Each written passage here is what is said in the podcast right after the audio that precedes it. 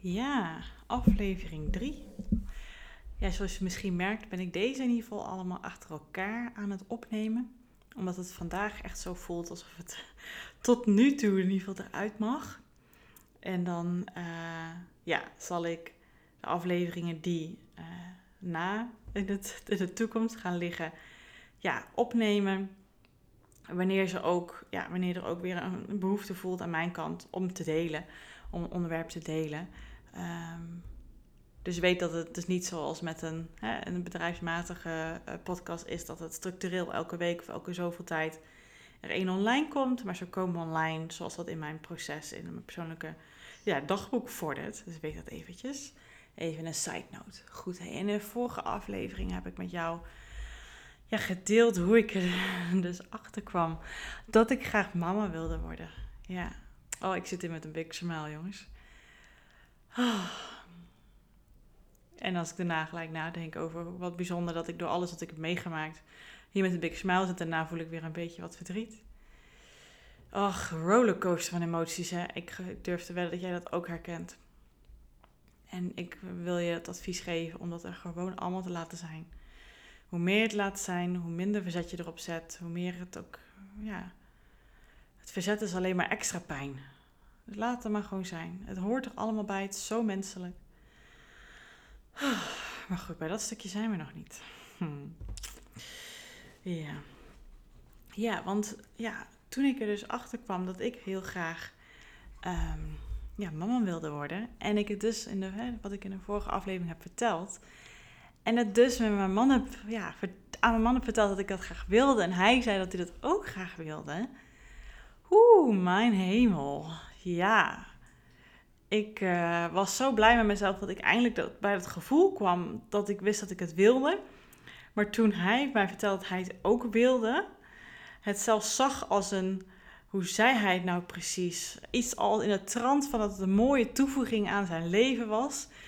Dat ik echt dacht, nou, maar toen kwamen er gewoon cocktail van gevoelens in mij op. Maar de grootste was toch echt angst. Ja hoor. Echt jongens zeg. Ik dacht dat ik eindelijk een beetje een proces was van gevoel toelaten. En, en dat er allemaal laten zijn. En, en toen werd het echt, ja, zoals het de vorige aflevering ook eindigde. Ik klapte dicht. Ik kon weinig zinnigs meer zeggen. Ik wist niet wat ik mezelf aan moest. Het was me wat hoor. Ik, ik dacht, hoe kan jij? Ik heb hier weken. Uh, ja, is het een proces geweest bij mij. Hoe ik tot deze, ja, dit gevoel, deze beslissing, deze keuze kwam. Dat we dit pad op wilden, dat ik in ieder geval het pad op wilde gaan. En jij zei het voor mijn gevoel zo droogjes. Hij zei het zo droogjes, mijn man. Ja, dat lijkt me echt een hele mooie toevoeging in mijn leven. Dat ik dacht, jeetje, ik had in mijn hoofd zitten dat hij dat bijzonder vond dat ik dat zei. Dat hij het erover wilde hebben, dat hij er misschien nog niet uit was. Maar jawel hoor, hij had zich ook aan zijn, uh, he held end of the bargain, hoe zeg je dat nou precies? Um, ja, hij was er ook al uit.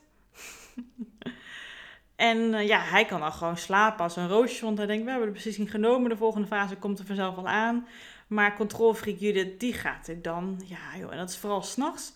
Als ik dan soms even eruit moest om te plassen, uh, ja, die, die gewoonte heb ik nu ook doorbroken. Maar heel vaak nam ik een kopje thee uh, mee naar bed en dan ging ik dat nog eventjes drinken. En net terwijl ik in bed lag, uh, misschien iets kijken of op de telefoon of wat dan ook. En dan, dan gaan slapen. En dan als ik ja, door iets kleins wakker werd of gewoon dat mijn blaas wakker werd, dan ging ik eruit. En dan kon ik gewoon zo niet meer slapen daarna. Omdat mijn hoofd zo overgenomen werd door dit thema. Dat ik dacht, oké, en nu dan? Wanneer dan? Ik ben al zo oud. Uh, wat moeten we allemaal doen en regelen? Hoe zou het allemaal zijn? Pieken, pieken, pieken, pieken, pieken. Ik werd gek. En het was niet elke nacht. Want gelukkig hoefde ik niet elke nacht naar de wc. Dat was zo fijn. Dus overal, overal gezien sliep ik best oké hoor. Maar na de zoveelste keer dat ik weer eens wakker lag en per Bas dan wakker maakte, vroeg hij wel eens, waar piek je allemaal over? Wat, wat, waar ben je mee bezig? En ja, ik dacht allemaal, ik ben gek, ik ben raar, ik ben stom. En hij is allemaal zo nuchter en hij heeft al een beslissing genomen. Maar op een gegeven moment durfde ik hem wel daar deelgenoot in te maken. Dat ik zeg, ja, het, eh, oh, dit, dit, hele proces, het is gewoon veel. Het, het, ik vind het lastig, wat moet ik allemaal mee? Nou, dan hebben we er wel eens s'nachts over gepraat en zo gebeurde dat nog wel eens vaker Ja, en echt een aantal weken later zei ik van, ja, wanneer gaan we dan beginnen? Weet je, wanneer gaan we het dan proberen? Hij zei, ja, wanneer jij wil. Hij zegt, uh, ik, ja, ik, ik ben er klaar voor. Ik denk, wow. En toen zei ik, ja, ik heb volgens mij nog uh, twee strips uh, van, van de pil. Ik slikte de Diana-pil, geloof ik. Of Jasmijn, ik weet het niet meer goed. Ik, op een gegeven moment krijg je allemaal zoveel verschillende van. ik slikte in ieder geval de anticonceptiepil. En toen zei ik, ja, zullen we die, zal ik dan maar gewoon geen nieuwe meer halen?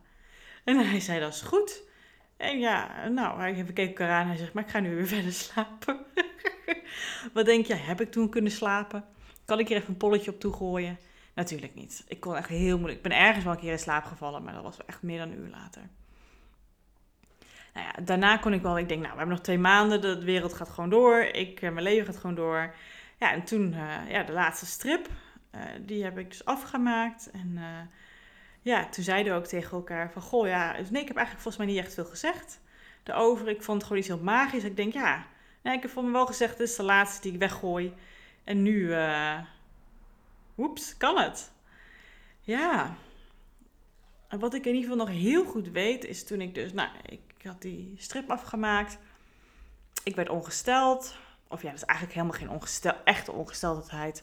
In vergelijking met hoe je dat hebt als je echt gestopt bent met de pil. Hè. Ik denk dat je dat verschil ook wel hebt gemerkt. Ik weet ook niet of jij al aan, aan een bepaalde anticonceptie zat.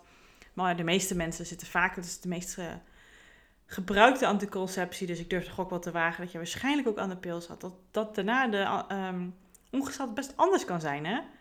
Dat is meer een soort van bloeding wat je normaal hebt tussen de strips door. Wat je lijf, want je overleert volgens mij ook echt niet met de pil. Nou goed, weet je, hier moet ik niet over zeggen. Dat weet ik niet zo goed. Eigenlijk of het wel zo is of niet. Misschien wel. Maar het is een andere bloeding. Laten we het daarbij houden. Ik ben er geen deskundige in. Ik ben alleen ervaringsdeskundige. Dus in ieder geval een andere bloeding. Maar goed, ik was dus daarna ongesteld. En uh, ja, echt zo'n uh, kleine twee weken daarna kreeg ik echt, oh my god, ik kreeg echt een hoofdpijn joh. En achteraf weet ik, dat zal dan waarschijnlijk tijdens mijn ovulatie zijn. Maar ik had zo'n hoofdpijn, echt boel. Het was echt een best heftige hoofdpijn. Wel echt voor een paar dagen, iets van twee, drie dagen. En uh, ja, toen, de maand erop gebeurde dat weer. De tweede maand, uh, dus ja, ik had zo'n hoofdpijn. Dus rond mijn ovulatie denk ik dat het echt wel was. Nou ja, een kleine twee weken later was ik dan echt omgesteld.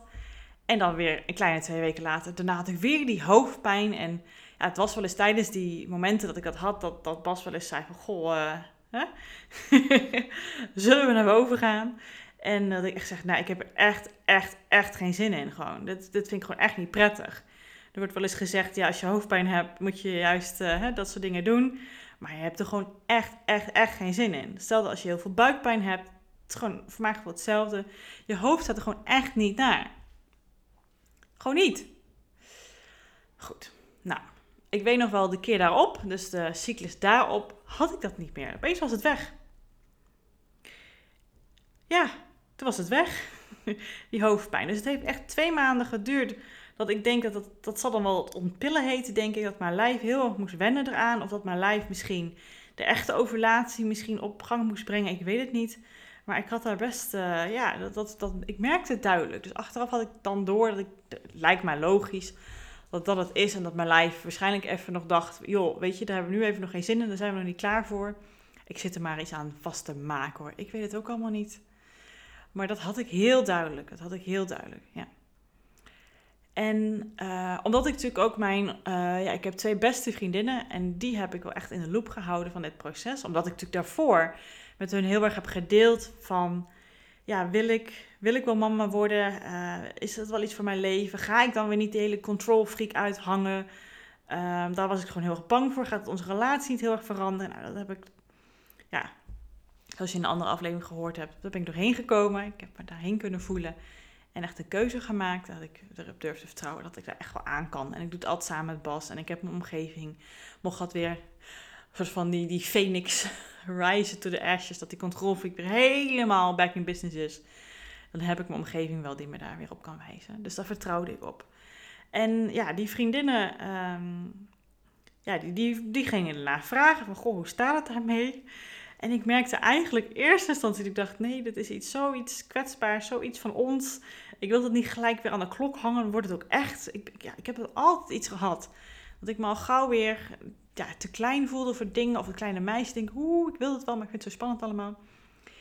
Maar ehm, ja, toen heb ik wel uiteindelijk, ik denk, ja, ik moet het ook wel hier uiten, hè. Uh, verteld tegen hun dat ik gestopt was met de pil. Ja, dat vonden zij heel erg tof. Dus dat ik echt eh, ja, de beslissing heb genomen. Dat we samen de beslissing hebben genomen om ervoor te gaan.